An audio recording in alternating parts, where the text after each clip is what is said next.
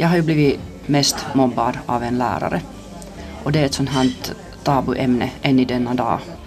Vi som var tysta och, och blyga så vi var ju jättelätta alltså att ta som, som sånt här offer för att det där, vi gav ju inte igen på något sätt. Tina Holmberg Kalenius blev mobbad i skolan. Och det är sen att, att jag blev sån här ännu tystare och, och liksom försiktigare och rädd av mig. Så det gjorde ju sen att också andra, det vill säga eleverna, började också att tycka att det var ganska roligt och, och klistra lappar på min rygg och, och, och det där skratta åt mig och dra stolen undan om jag skulle sätta mig och, och allt möjligt sånt här. När Tinas äldsta barn började skolan och också hon blev mobbad kom känslorna upp till ytan igen. Men också självförtroendet började sakta mak byggas upp på nytt. Det har kommit sådär så småningom i bitar. När jag träffade min man, det har absolut varit en, och flytta bort från Helsingfors och alla de där minnena och, och det där. Och sen det när första barnet föddes och sen då denna, när jag skrev den här, började skriva den här boken och barnets mobbning. Att det har varit en sån här långsam process. Tina bor i Lahti sedan 20 år tillbaka. Hennes egna skolminnen är från Helsingfors. För snart 20 år sedan gav Tina ut en bok om skolmobbning, elämä koulukiusaamisen jälkeen. I samma veva lärde hon känna en före detta lärare som också har erfarenheter av skolmobbning. Tillsammans startade de ett projekt som vänder sig till mobbade och till föräldrar vars barn blir mobbade. Ett kamratstöd, men också goda råd, vägledning och utbildning av nya stödpersoner.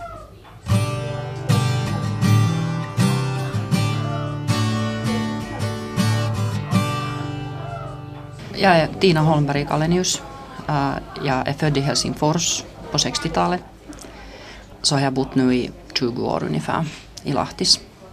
Och jag jobbar som sån här projektkoordinator i ett sånt här projekt som stöder mobbade barns föräldrar och, och före detta mob mobbade eller människor som har blivit mobbade. Det kan också vara frågan om arbetsplatsmobbning. Och det här projektet heter Valopilkku-projekt. Jag har själv blivit mobbad under min skoltid i tio års tid. Hela högstadiet och, och äh, gymnasiet. Och sen har jag ett barn som har blivit mobbat i flera års tid också. Jag var inte egentligen själv hemskt medveten om att, att jag har blivit mobbad. För att då på den tiden, på 70 80-talet, så pratade man inte egentligen. Det där ordet mobbning fanns inte ens då på 70-talet ännu. Så jag, jag har hamnat och bygga min identitet utan att egentligen veta vad det är jag bygger den på. Och det har varit ett projekt för sig. Men att, att det där, den vägen sen när mitt barn blev mobbat så då plötsligt så, så märkte jag att jag har själv ett trauma när det gäller mobbning. Och då i det där tre års tid sen som barnen blev mobbat så hamnade jag och gå igenom, eller fick gå igenom mitt eget mobbningstrauma. Och det har varit en gåva å ena sidan, det har varit å andra sidan jobbigt och sen har det varit extra jobbigt att, att se vad det gör åt mitt eget barn, den här mobbningen. Och det är det som ligger som bakgrund till att jag har börjat göra någonting åt den här saken. Men berätta lite om din egen mobbning, hur gick det till? No, det gick till på det sättet att jag var ganska blyg och tystlåten som barn och, och som ung. Och sen när, när det där, de andra for från trean i folkskolan uh, vidare till, till det där följande skola så var jag en av de fyra elever som blev på fyran. Och jag förstod aldrig, alltså jag kommer ihåg att jag var så förundrad över det där att varför jag? Och det funderade jag hela det där året över som jag gick på fyran, att, att varför jag? För att mitt betyg var inte alls något dåligt.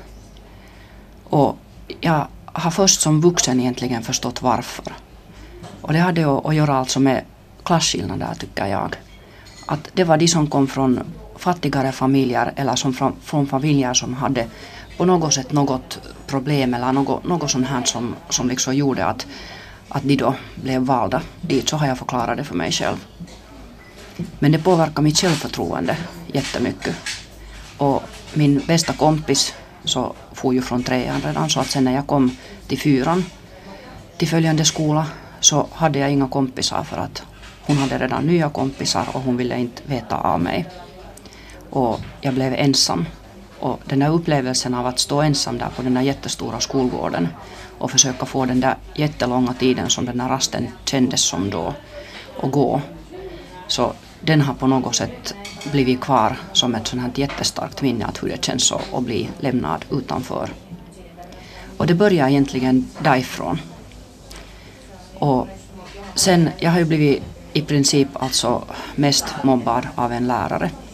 Och det är ett sånt här tabuämne än i denna dag som man inte skulle få prata om.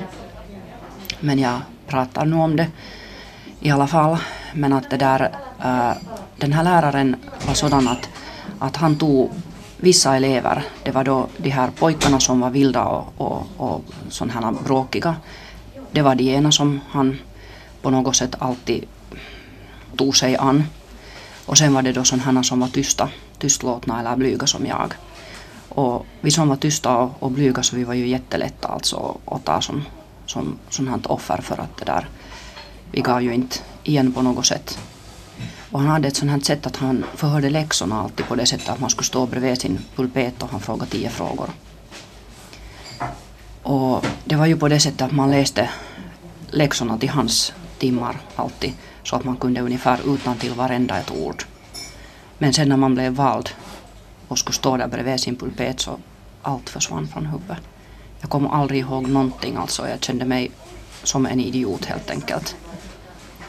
Och det var ju en sån här sak som sen påverkade självförtroende ännu mera. Det vill säga, jag hade knappt något självförtroende alls efter de där tio åren sen med en sån här lärare för att han lärde faktiskt sen genom hela både högstadiet och, och gymnasiet, den här samma läraren. Och det sen att, att jag blev sån här ännu tystare och, och liksom försiktigare och rädd av mig. Så det gjorde ju sen att också andra, det vill säga eleverna, började också att tycka att det var ganska roligt och, och klistra lappar på min rygg och, och, och det där skratta åt mig och dra stolen undan om jag skulle sätta mig och, och allt möjligt sånt här. Och det gjorde sen att jag blev ganska, jag hade som tur kompisar också. Goda vänner som fortfarande än i denna dag är goda vänner och tack vare dem så har jag sen ändå klarat mig genom den där skoltiden. Men jag tänkte många, många gånger på att sluta skolan mitt i. För att jag, det, det där att försöka hela tiden um, hur ska jag säga, att försöka liksom Alltså man, man blir ju på sätt och vis, man hamnar och vara på sin vakt hela tiden. Och det tar jättemycket energi. Och det att man inte kunde prata med någon om den där saken, man kunde inte berätta åt någon för att det fanns inga ord att berätta vad som hände. För att jag tänkte att det är helt normalt, det här hör till. Jag var ju inte den enda som blev mobbad av den här läraren. Och det var den där kulturen där, inte var det någon som ifrågasatte det egentligen. De som var svagare så, så de, den fick man trampa på och de som var starkare så den trampade ingen på, den var andra rädda för. Så att det var bara en kultur och man kunde inte egentligen ifrågasätta den där då. Jag undrar ju förstås bara att varför jag var så trött och varför jag inte var så hemskt glad. Att, att det var en sån här inre kamp som jag gick med, jag pratade aldrig med någon om det. Mm. Så där, därav kommer det att egentligen så upplevde du dig aldrig som mobbad när du var mitt i det? Nej, för jag hade inte ord för det, jag hade inte liksom det var bara min identitet. Jag tänkte att det var något fel på mig. Pratade du någonsin om det här hemma med dina föräldrar? Aldrig. Just därför för att det, det liksom inte bara var någonting att prata om. Att det är först efteråt sen som jag har kunnat sätta en stämpel på vad det var som hände och, och förstå det men att det har kommit sen 20 år senare. Och hur var det med de andra lärarna? Märkte de någonting? Jag menar, alla lärare hade knappast samma undervisningsmetod om vi säger det inom citationstecken. Nej, som tur inte. Mm. Um, jag tror att alla lärare i princip visste. Men, men det var bara som jag sa, den där kulturen. Det fanns ingenting någon kunde göra åt det. Och det att man skulle ha gått och säga, säga att, att hör du att den här läraren mobbar mig så det bara inte passar in med den där kulturen. Mm. Jag tror att man skulle blivit utskrattad säkert om man skulle ha gjort det. nu som vuxen när jag vet hur mobbning fungerar så vet jag ju att det är just precis på det sättet.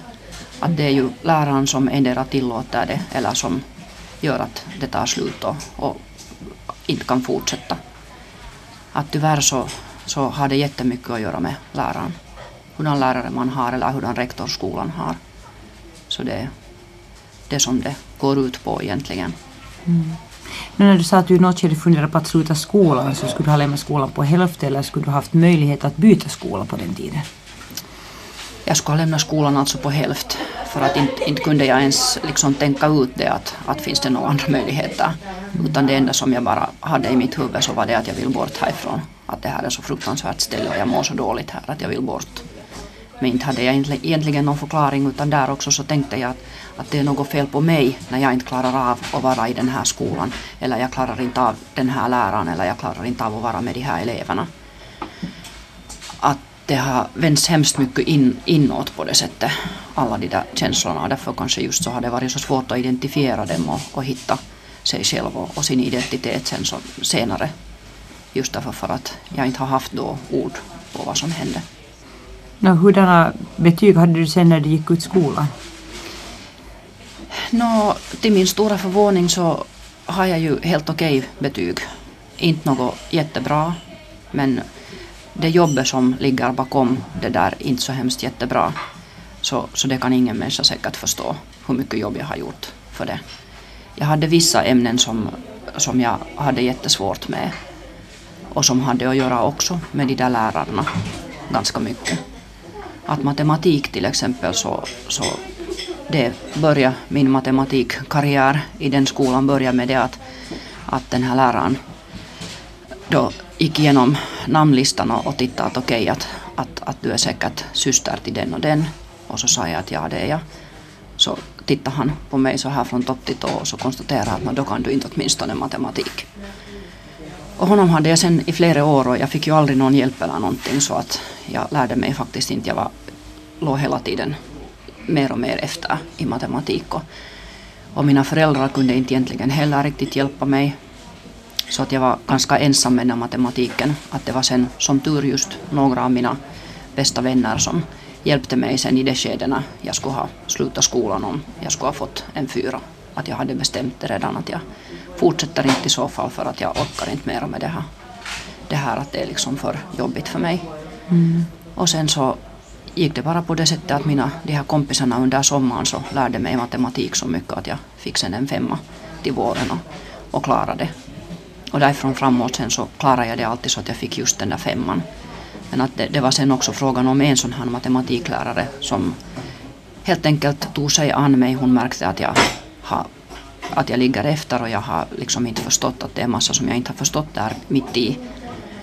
Och hon blev efter, alltså varenda en dag. Så att hennes arbetsdagar blev ju ganska långa därför att hon i flera månader så hjälpte hon mig i matematik och, och det har jag verkligen kommit ihåg med värme för att hon gjorde en jätte, jättestor grej för mig och mitt liv. Så du har varit med om bra lärare också? Ja, det har jag varit. Mm. Och den här läraren i matematik är inte heller densamma som mobbade under tio års tid? Nej. Så egentligen har du blivit utsatt för mobbning eller mm. ja, mobbning ja, av ja. flera lärare? Ja, det har jag. Mm. Trots att det är den ena du minns bäst? Ja, den ena minns jag bäst. Därför för att det, det har visat sig att han har sen haft största inverkan på varför mitt liv sen blev för 20 år framåt på det sättet som det blev. Mm. Först den här skoltiden och sen tio år efter ännu det.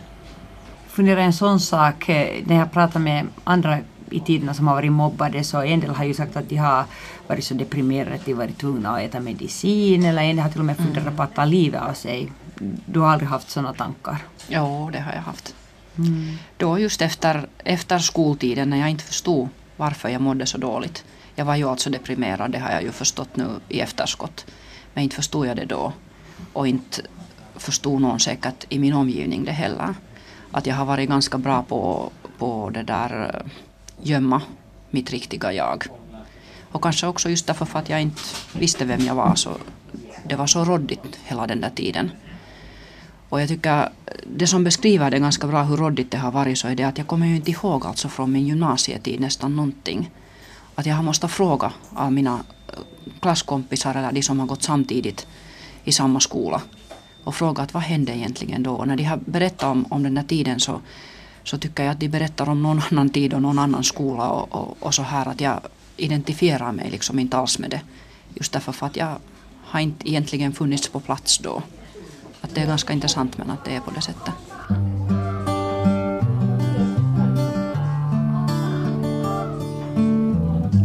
Här fortsätter samtalet om livet med Tina Holmberg Kalenius som blev mobbad i skolan. Jag har ju funderat jättemycket över den där läraren under årens lopp. Alltså det är klart det är en massa olika känslor som, som liksom väcks när jag tänker på det. För att jag tycker det, det är bara helt enkelt inte, man kan inte godkänna en sådan sak att en vuxen människa i åratal så pickar på någon som är mindre och som ännu håller på och växer och som inte kan helt enkelt vara perfekt. Mm. Man kan inte godkänna det på något sätt men ändå, ändå liksom så känner jag att jag har förlåtit. Att jag, jag, har inte, jag har inte sån här ilska eller, eller liksom uh, någonting sånt här kvar mera. Utan jag bara ser det på det sättet att, att det, det var en sån slags vuxen människa då och han gjorde säkert sitt bästa Alltså med tanke på, jag kan ju inte veta om hans privatliv men jag vet att han hade en sjukdom som han kämpade med under den tiden som han också fungerade som lärare och så här. Så att jag vet ju liksom att, att där finns någon förklaring på, på sätt och vis varför han betedde sig på det där sättet som han gjorde. Men ändå liksom så tycker jag att när det är frågan om barn så kan man aldrig godkänna några sådana saker. Att det bara inte går att göra det. För att, att det där, barnen är ju det första som man måste på sätt och vis skydda i alla situationer. Du har aldrig varit i kontakt med honom ändå i vuxen ålder? Nej, det var under många års tid som jag, som jag faktiskt liksom funderade på det.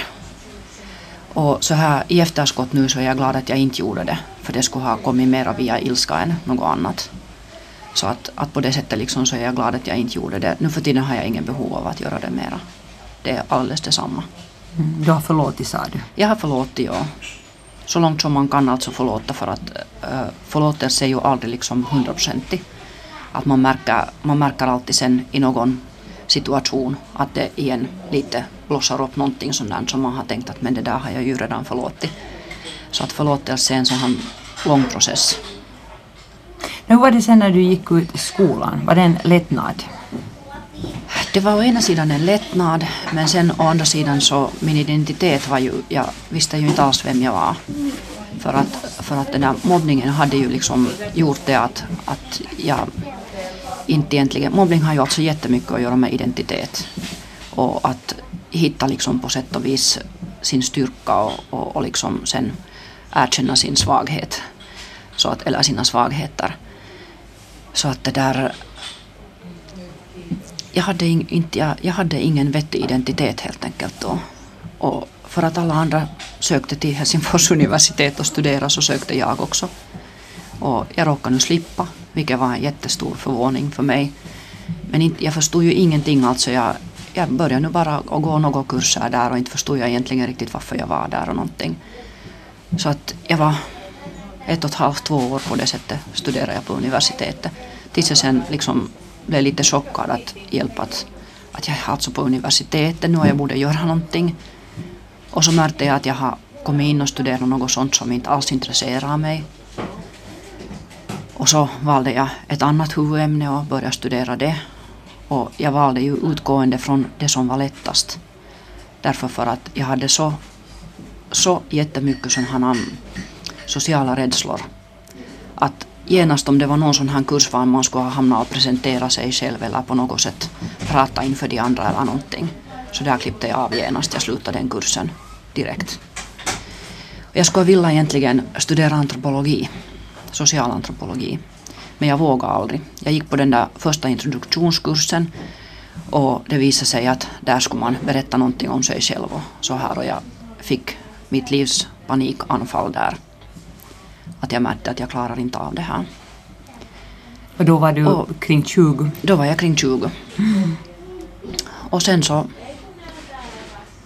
studerade jag annat emellan Och så studerade jag igen på universitetet lite och sen i något skede så tänkte jag att jag måste ju på något sätt få någon slags papper och, och bli klar med någonting. Och, och så studerade jag så att jag nu blev färdig filosofiekandidat och, och, och så här men, men det där jag visste ju samtidigt redan, då hade jag studerat redan i så många år och inte kommit riktigt någon vart att det lönar sig inte för mig att börja, eller så tänkte jag då, att det lönar sig inte för mig att börja och studera nu något nytt yrke mera, att, att jag studerar det här då till slut och får papperna och ser vad det blir av det.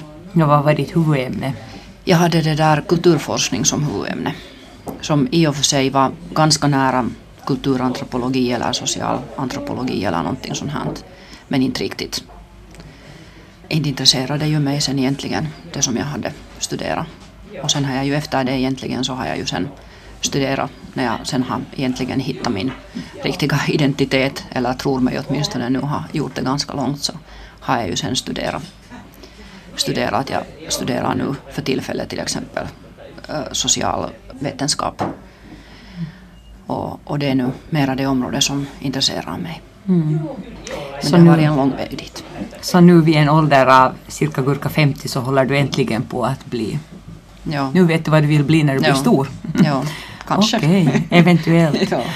Hur har du lyckats i det här att från att du sa att du hade ingen identitet till att bygga upp att du liksom nu vet hurdan du är? No, det har varit en jätte, jätte lång och stenig väg. Egentligen så har det skett först nu i vuxen ålder. För att jag har ju nog varit ganska ute och cyklat alltså alla de här åren som jag inte har, alltså under alla de åren som jag inte hade ännu gjort någonting åt det här mitt eh, mobbningstrauma så har jag ju varit ganska ute och cyklat. Att visst har jag levt ett alldeles eh, balanserat och bra liv i och för sig.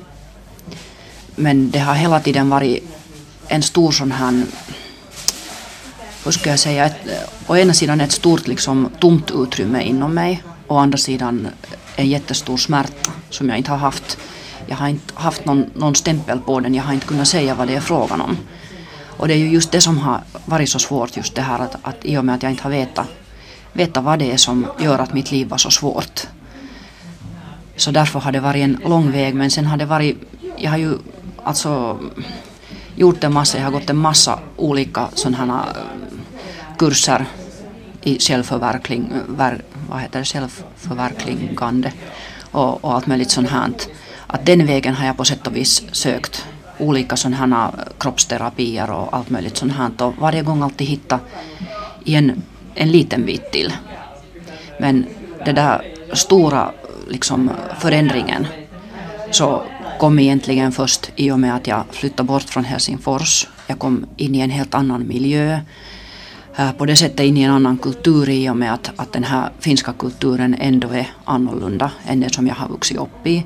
Fast jag har vuxit upp i Helsingfors och, och liksom tvåspråkig kultur så har jag ändå alltid upplevt att jag har varit lite utböling i den här finlandssvenska kulturen och sen ändå också ännu mera utböling i den här finska kulturen. Och det har sen också varit en jättestor del av, av det här identitetskrisen inom mig för att jag har aldrig egentligen riktigt vetat vem jag är just därför att jag har haft de här två språken och, och det att, att ena föräldern liksom har varit finskspråkig ursprungligen och den andra alldeles finlandssvensk så att, att det har varit en sån här balansgång hela tiden.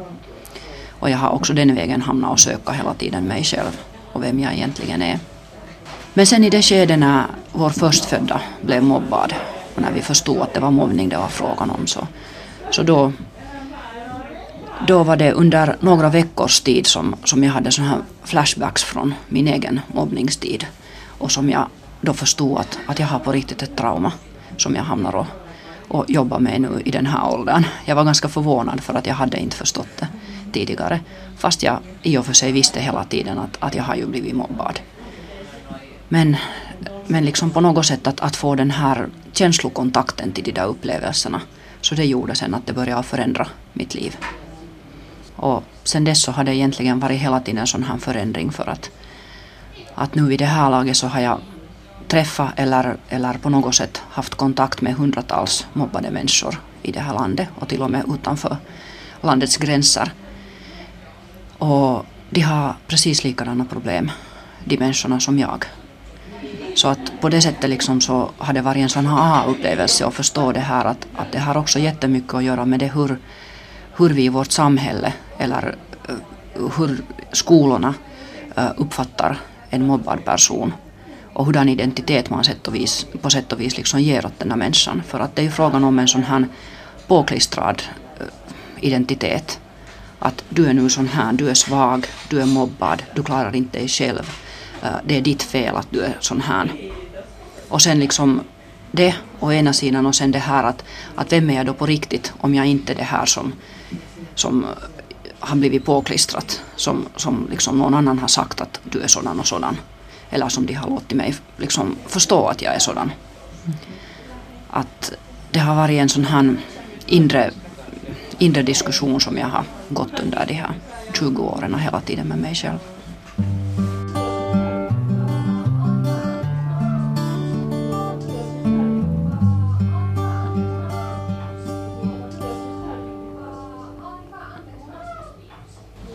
Du berättade ju aldrig själv till dina föräldrar att du blev mobbad eftersom du inte egentligen hade ett ord för vad som hände för dig i din skola. Men hur märkte du att eh, ert barn blev mobbat i skolan? No, det var också en ganska lång process för att det där um, när ens förstfödda börjar skolan så det är ju, skolan är ju alltid en sån här som på något sätt förändrar det där barnet. Och när jag kontaktade skolan och pratade om det att jag tycker att mitt barn har förändrats på ett negativt sätt och att jag är orolig. Så då sa de i början hela tiden åt mig att jag inte behöver vara orolig, att det är alldeles norm normal utveckling. Och så här och, och då tänkte jag att okej okay, att, att det är kanske det. Fast i själva verket så, så var det hela tiden den här mamman inom mig som, som pratade på ett annat sätt och som sa liksom att, att det är någonting som är på tok. Och att jag ska vara på min vakt och, och jag ska liksom vara orolig. Att det på sätt och vis naturligt att vara orolig om det sker sådana förändringar. Ja, hurdana förändringar? Hon väntar ju hemskt på att börja skolan. Och hon var jätteglad att börja skolan och det var de där första veckorna gick bra och, och, och hon kom glad hem. Men sen började hon att bli mer och mer tystlåten. Och det hade gått alldeles bara kanske två månader av skolan när det började vara så att hon kom hem så att hon var jättearg och slängde, slängde sin väska i, i hörnet och, och, och kunde liksom börja och, och stampa och skrika och, och gråta och ha sig. Och, och, det var liksom, den här reaktionen var så stark att jag tänkte att det här kan inte vara normalt. Men en första klassist är nu ganska liten och, och det var frågan om sån här flickors tyst mobbning. Sån här just bakom, som sker bakom ryggen och, och vad man lämnar en utanför och hittar på alla möjliga sådana här lekar var en hela tiden blir utanför och, och sånt här. Så att hon hade inte heller ord på det. Hon kunde inte egentligen berätta vad där hände. Och vi kunde inte fråga för att vi visste inte. Men jag kommer ihåg att jag, jag undrar hemskt över det att när, när jag hade mycket bekanta som hade barn i samma ålder som sen gick i andra skolor och, och annanstans i Finland. Och de berättade om hur deras barn hade reagerat och hur det var i deras skola och så här. Och jag, och jag kommer ihåg att jag undrar över det att, att hur är det så annorlunda här hos oss och hur är de här förhållandena mellan de här flickorna så på något sätt svåra som de var. Uh, vi hade ganska bra kontakt då med andra föräldrar, de här andra barnens föräldrar och, och pratade också med dem om det men, men ingen egentligen liksom tyckte samma sak som jag utan, utan de tyckte att, att det nu ser ut att gå bra. Tills det sen var en förälder som började säga att, att, att vårt barn är, är otrevligt mot deras barn och, och, och, vårt barn mobbar alldeles tydligt och hon tänker kontakta lärarna och det gjorde hon. Och sen när jag gjorde det då en dag eller några dagar senare så bad jag att få komma till skolan och prata om det för att vid det laget så var jag ordentligt redan uppskärrad över det som hade hänt för att då hade vi då prata med vår dotter och, och fråga liksom att vad det egentligen som händer där och då bröt hon ju alldeles samman och började och gråta och, och sa att hon har inte ända sedan dag ett ungefär så fått vara med i någonting där. Och det var helt hjärtkärande alltså det som hon sen berättade. Och det där, sen när jag gick till skolan och pratade med de här lärarna så då tyckte de att, att det var på det sättet att vårt barn mobbar det här andra barnet och att det är vårt barn som, som inte har sociala färdigheter och som inte kan vara med de här andra barnen. Och vi var ju alldeles alltså ifrån oss med min man. Vi funderade att, att vad i all världen är det här frågan om? Och så tänkte vi bara att om vi är lugna och, och pratar snällt med de här lärarna på nytt och på nytt och, och försöker liksom få den här situationen uppredd för att vårt barn var ju det som mådde dåligt där. Så kanske det räddar upp sig så småningom. Och det gjorde vi sen i, där var då ett och ett halvt år tiden nu som hon var i den där skolan. Att det, det, gick faktiskt ett och ett halvt år före vi då kom på att vad det egentligen är frågan om, vad där egentligen händer. Att det gick så lång tid. Uh, under det där sista ett och ett halvt året sen så försökte vi reda upp den där saken gång på gång men det gick inte. Att det var som en total vägg varenda en gång som man försökte prata om det så, så de liksom inte ville förstå, de där lärarna, att det var frågan om något annat än det att, att det skulle ha varit vårt barn som skulle ha betett sig illa mot de här andra. Och visst tänkte vi också, vi till och med trodde på det i början när de sa på det här sättet så tänkte vi att det måste ju vara och så liksom pratade vi igen med vårt eget barn och sa att, att du får inte bete dig på det sättet och, och så här och, och, det är kanske det som harmar mig mest i efterskott. Det att hon en tid hamnade och miste förtroende också för oss för att vi inte trodde på henne.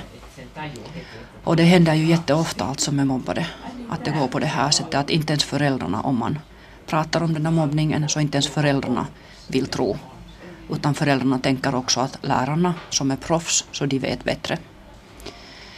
Och det är en sån här sak som jag kan ju inte ta tillbaka det mera. Det hände redan och den skadan gjorde vi på vårt barn. Men den skadan som skolan sen gjorde med att, att inte uh, göra någonting åt den här saken och inte tro på vad hon berättade. För de sa ju alltid att hon skulle komma och berätta. När hon gick och berättade så då gjorde de ingenting. Så att det, det var liksom ingen tillit där och hon miste ju till, tilltron och till, tilliten alltså helt och hållet till vuxna människor. Och det gick några år och lappade. Att det var inte någon hemskt liten, liten grej liksom det. Och eftersom det här skedde redan från skolstarten så var hon ju ett litet barn. Hon var jätteliten då. Det var första till tredje klassen så att, att då är man jätteliten ännu. Mm. Och då skulle absolut inte någonting sånt få, få ske helt enkelt. Och det att jag har kanske haft svårare att förlåta det än min egen mobbning i tiderna. Att det är intressant det där hur, hur det, när det gäller ens eget barn så då är det någonting, det är väl den där lejonmamman inom en som vaknar. Men att sen å andra sidan så, så tack vare det så har jag sen gjort det här jobbet som jag har gjort för att, att då förstod jag det här hur jätteviktigt det är att det finns någon som genast tror på vad man berättar och någon som förstår vad föräldrarna går igenom. För att det är ju sen den här andra biten, att föräldrarna får ju inte någonstans något stöd. Och just det här att, att man eh, till och med förlöjligar liksom det som föräldrarna säger. Att men herregud ändå, att, att inte kan du väl själv tro liksom på det där som du säger. Att det är fruktansvärt helt enkelt, att mm. sånt också sker. Jag kan säga innan vi går in närmare på, på det här projektet som, som du och din kollega jobbar med så som har jag märkt här också under samtalet att, att så länge du pratar om din egen mobbning så gick det hur bra som helst men genast när du kom in på din dotters fick du tårar i ögonen. Mm. Att där ja. ser man hur, mm. hur mycket mer ja. det sårar och hur mycket... Det gör det. Mm. Och sen är det ju förstås också just den här hjälplösheten. Att som mm. förälder så borde man vara den som, som skyddar sitt barn och, och, och är stark. Och jag var inte hemskt stark då när det, det där mobbningen började. För att då trillade jag ner i min egna grop samtidigt där. Att sen å andra sidan så klättrade jag ju därifrån ganska snabbt upp att, att det var några veckor som jag låg där nere i gropen så att säga. Men att, att sen när jag klättrade upp därifrån så sen var det ju den här lejonmamman som ganska snabbt liksom tog över. Men sen å andra sidan så, så tog vi ju den strategin hela tiden med min man att, att vi börjar inte att vara dramatiska eh, så som mobbarens föräldrar gjorde. Att de kom nog ihåg att gråta och vara dramatiska i alla olika situationer. Att vi var alltid lugna, vi var hyggliga och vänliga, vi pratade snällt om de här sakerna eh, på ett sansat sätt. Att vi började inte skrika och härja och, och ha oss så som mobbarens eller mobbarnas föräldrar kunde göra. Men ändå blev vi inte trodda.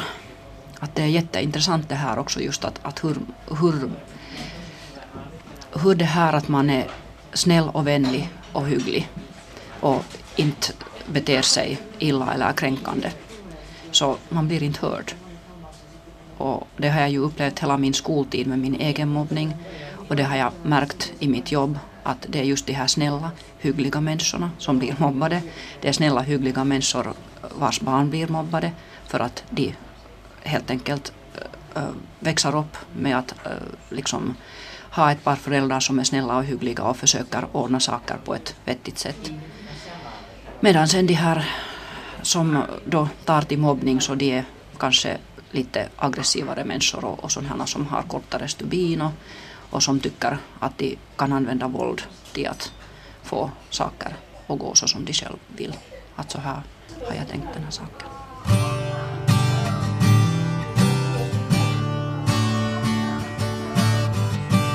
Här fortsätter samtal om livet med Tina Holmberg Kalenius.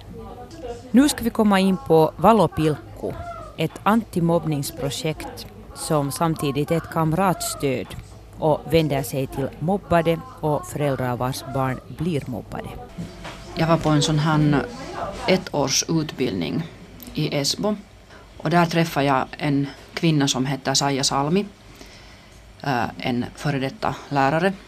Och det visade sig att hon är hemma från samma by som jag, men vi kände inte varandra.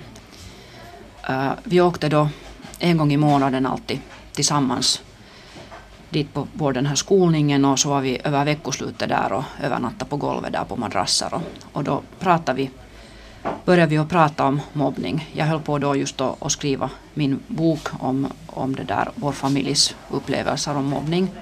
Elämää koulukiusaamisen jälkeen heter den, kom ut 2008, Gumerus. Och det där, jag höll då på skrev, jag var på slutrakan med den och, och, det där, och hon hade också ett sånt skede i sitt liv att, att hon hade lite tid att fundera. Och, och då började vi sen att fundera att, att det här är en sån sak som vi egentligen båda är jätteintresserade av att göra någonting. Hon hade sitt då från skolvärldens sida på hur det är med de här barnen som blir mobbade och hur skolvärlden tar sig an det här problemet och hon hade märkt att det var ganska mycket sånt som hon var av olika åsikt om och som hon gjorde annorlunda och hon fick det att fungera. Och då började vi att fundera att, att vi försöker göra någonting och, och sen började vi då att träffas och den vägen sen så, så startade det hela så funderade vi att vi måste hitta någon sån här organisation inom vilken vi skulle kunna då fungera så att, att det blir trovärdigt det hela. Att, att det inte är så där att vi nu kommer här och, och säger att vi tycker så här. Vi fick ju från Penningautomatföreningen första gången pengar 2010. Men före det så höll vi på i två år redan och gjorde sådana pilotgrupper, Eh, kamratstödsgrupper och föreläsningar och försökte då lite äh, se att, att hur mycket det behövs sånt här och, och vad som egentligen behövs. Att vi sökte under två år på sätt och vis lite den här formen på det hela. Och då märkte vi det att, att skolvärlden och mobbning, så det är på något sätt en så jättekänslig fråga att det kanske inte lönar sig att försöka genast komma in i skolvärlden. Utan det lönar sig kanske att, att vara lite försiktig och ta en annan sån här inriktning på det hela. Och då tänkte vi att jag hade ju jätte, jättestarkt på något sätt den här egna upplevelsen som förälder till, till mobba, ett mobbat barn som bakgrund och, och, och, jag tyckte liksom att, att det här att man stöder föräldrarna så det skulle vara jätte, jätteviktigt. Och då tänkte vi att, att vi riktar oss in liksom på det att vi hittar ett sätt att stödja föräldrar på. För att om man stöder föräldrarna så stärker det också barnet. Och jätteofta när föräldrarna är i den situationen att barnet kommer hem och, och säger att, att jag blir mobbad i skolan eller när föräldrarna själva märker att barnet blir mobbat så då vet inte föräldrarna tillräckligt den stunden. Och det är på sätt och vis en sån här svaghet. Och därför har vi också pratat jättemycket för det att, att föräldrar skulle ta reda på och läsa sig lite in på det här ämnet redan i god tid före barnet börjar skolan, helst redan i dagisåldern. För att det att du vet tillräckligt, så det hjälper dig att, att märka tidigare. Du märker på barnen när det förändras. Du vet lite hur du ska fråga saker. och du vet lite hur du ska ta dig an den där saken. Då miss, misstar du inte där månader eller år med att, att liksom sitta och fundera att, att hur, hur är det här egentligen och vad är det egentligen frågan om. Och då mister barnet inte heller någonting där utan, utan du kan genast ta dig an den där saken och, och då vet du liksom vad du ska, du har en sån här handlingsplan färdigt. Och det hjälper jättemycket. Att vi hade ingen handlingsplan färdig då när vår dotter blev mobbad. Och det gick ett och ett halvt år före vi egentligen förstod hur jätteallvarligt det var. Därför just så är det bra att veta i förväg tillräckligt. Och därför riktar vi in oss sen på föräldrar. Sen har det ju glidit över ganska mycket nu också på, på unga människor. Sådana som är från 17-18 uppåt. Och vi träffar ju uh, unga människor ganska mycket enskilt just därför för att de vågar inte komma till grupperna. De har ännu större tröskel att komma till grupper. Det är stor tröskel också för föräldrarna. Och det är kanske lite beroende på orten också att ju mindre ort man bor på så desto större tröskel är det naturligtvis för att äh, om man sen är en mobbad före detta skol, äh, som har blivit mobbad i skolan eller sen äh, en förälder till ett mobbat barn så ofta tänker man på något sätt att, att jag är ensam om det här eller att vi är ensamma om det här. Att det blir en sån här vi mot de andra sån här känsla. Och det är också en sån här sak som det är ganska viktigt liksom att, att på något sätt få en sån här aha-upplevelse att vi är inte ensamma. Att om vi tänker på att, att det blir jag vet inte, Kivaskolan kanske har någon annan statistik på det idag men, men ännu för några år sedan så kunde man säga att det är ungefär 50 000 barn per år som blir mobbade i skolor. Så 50 000 är inte precis ensamma. Och sen om du tänker att, att om det har blivit ungefär 50 000 barn varje år mobbade i skolor. Så de som nu är 50 eller 60 eller 70 som också har blivit mobbade i skolan, så hur många tusen eller miljoner är vi egentligen? Att vi är ganska många. Och runt om i världen, det är ju inte bara Finlands problem. Mm. Men nu har ni riktat in er på, är det Lahtisregionen eller är det egentligen hela Finland? Det är egentligen hela Finland. Att äh, så här fysiskt så grupp, grupperna är ju här i Lahtis. Äh, vi har också skola, vi har en sån här äh, kamratstödsledarutbildning. Och den har varit nu i, den har varit på ganska många, fem, sex olika orter i Finland. Och vi har nu på några av dem så har det då startat egna grupper. Men att det har egentligen skett nu först under det här sista året så att, att det är nu lite så här i, i i startgroparna. Mm, så det håller på att sprida på sig i alla fall? Att det, det håller på att göra det. Ringa ja. på vattnet? Ja. Hur hittar man er då? No, man hittar ju oss på nätet alltså. www.valopilkkuprojekti.fi och vi har ju faktiskt då på det sättet att, att fast vi egentligen fungerar liksom på finska så mig kan man kontakta också om man vill då prata på svenska sina egna mobbningsgrejer så går det att göra också på det sättet.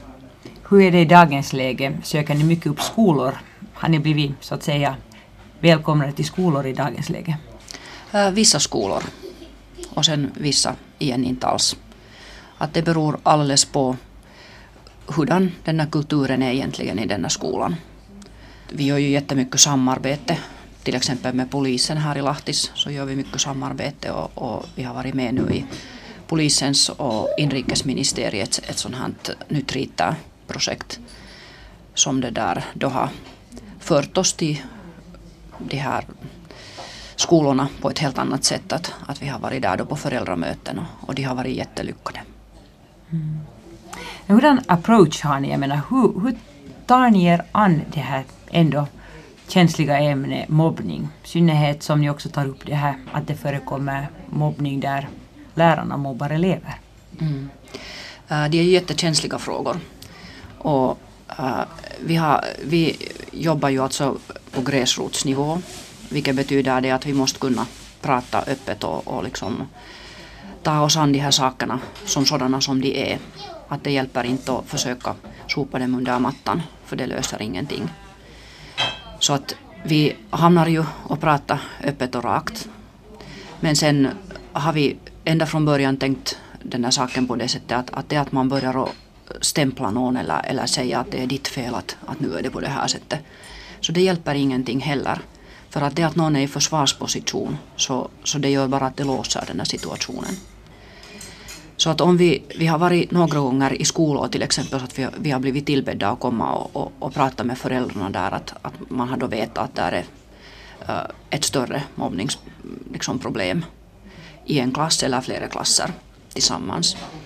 Och det där, då kommer vi ju så att vi kommer lite försiktigt men sen ändå så att vi så småningom kommer till den här saken och, och det där pratar öppet om det. Och hittills så har det nog inte varit negativt på något sätt. Att sen kan det finnas enskilda lärare till exempel som till och med går ut mitt i när vi pratar någon föreläsning till exempel som tycker att, att vi stämplar dem eller någonting sånt här. Fast vi säger att vi inte stämplar någon och vi verkligen inte gör det för att det, vi vet att det inte hjälper någonting och just det här att, att vi skulle prata till exempel att vi skulle specifikt nämna vilken skola det är frågan om eller någonting sånt här. Så det gör vi aldrig för att det är alldeles detsamma. Det, det förekommer mobbning i alla skolor. Det förekommer mobbning på arbetsplatser. Det förekommer i dagis. Alltid överallt var det finns mer än två människor så är det möjligt. Så att på det sättet liksom så är det inte, vi förstår inte egentligen varför det skulle måste vara ett tabu och, och prata öppet om det. Mm. Att varför är folk så hemskt rädda för det och varför är skolor så hemskt rädda för att bli mobbade, alltså stämplade som en skola där det går att mobba. För att när det förekommer i alla skolor att det är tvärtom liksom, tycker vi en sån här styrka det att man vågar säga att vi har mobbning också i vår skola. För att då pratar man sanning för att det är på det sättet. Att sen det att det förekommer mobbning så behöver ju inte betyda att, att det är av det värsta slaget. Utan det betyder bara det att i och med att vi vet att det kan förekomma också i vår skola så då är vi mycket snabbare och gör någonting åt det också om det sen förekommer. Mm. Hur upplever du själv det här som, som ändå ett eh, före detta mobbningsoffer? Att, att varje dag få höra om mobbning? Um, hur ska jag säga alltså? Man måste ju ha gått igenom sitt eget trauma först man kan inte göra det här om det är så att, att man har det hemskt aktivt ännu. För att det tär på en för mycket. Och fortfarande alltså, jag är ju en, en människa med känslor jag också. Fast jag jobbar med det här så kan jag inte säga att jag skulle ha blivit immun mot det ännu heller. Och jag hoppas jag aldrig blir heller, då är det säkert dags att börja göra något annat. Men det där varje gång så, så är det ju nog när, när du har suttit en och en halv timme i telefonen med någon som berättar om, om sitt barns mobbning. En förälder som är alldeles ifrån sig och, och de har kanske i många år hållit på redan och, och försökt stödja det där barnet. Och, och den här föräldern bryter samman och, och gråter och, och vet inte vad hon eller han ska göra. Så nu är det ju varje gång en sån här när du sen lägger luren på och det där samtalet har gått så, så det blir och, och, och det där det blir ett spår i dig också av det. Och du funderar över att hur, hur i all världen så ska det alltid gå den här svårare vägen. Att nu är det ju en sån här sak som man funderar jätteofta på. Att hur ser vårt samhälle egentligen ut när det är möjligt att folk blir i åratal mobbade. Eh, till exempel en av våra de här unga som vi har nu som jobbar, jobbar i vårt projekt nu ännu året till slut så, så har en upplevelse som är från hela skoltiden. Hela skoltiden har hon blivit mobbad. Och då alltid så tar man på något sätt ett steg tillbaka liksom och blir och funderar att, att herregud, liksom, att hur är det möjligt att ingen vuxen har kunnat stoppa det? Att varför får det alltså förekomma? Det, det är på något sätt så ofattbart. Fast jag förstås förstår, jag vet hur mobbning fungerar, jag vet att, att det är en gruppprocess och, och så här. Att jag vet alla de här teoretiska förklaringarna till det. Och ändå liksom så, så förundrar jag mig över det att det här, det här liksom att vuxna människor inte tar ansvar i de där situationerna. Det är skrämmande tycker jag. Hur mår du idag själv då, riktigt som privatperson? Jag mår nog riktigt bra som privatperson. Mm. att det där, uh, den där mobbningen är ju bara en skugga mera på sätt och vis av mitt liv. Uh, fast det har varit en jättestor del av mitt liv. Och det är absolut en stor del av min identitet än i denna dag. Men på ett annat sätt än vad den har varit förut. Och sen det här att, att jag har förändrats så mycket som människa att mitt det här riktiga jag har kommit fram på ett annat sätt. Att det att jag vågar stå framför hundra människor och prata till exempel som jag inte skulle ha kunnat på något sätt göra tidigare. Så det är ju sånt här som gör att ens självförtroende stiger alldeles massor.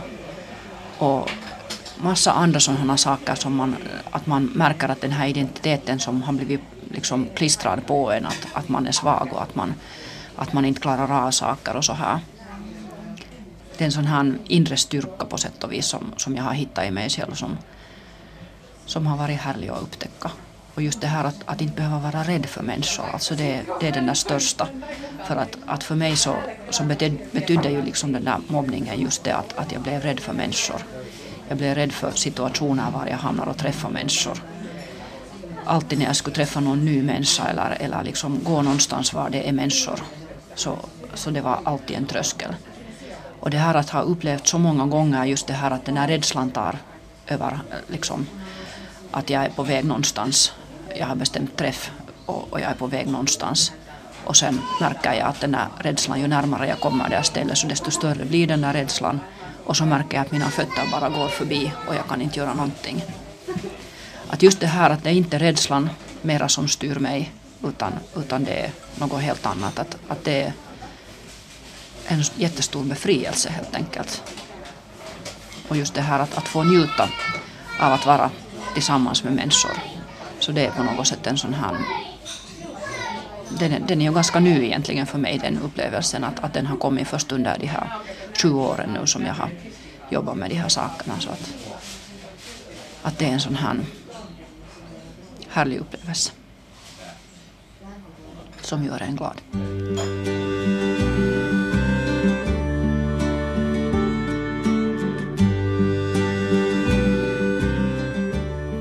I slutet av december fick Tina och hennes kollega Saija Salmi goda nyheter. Penningautomatföreningen fortsätter stödja projektet Valopilkku i ytterligare tre år. Du har lyssnat på ett samtal om livet med Tina Holmberg Kalenius från Lahtis. Jag som gjort programmet heter Tina Grönros.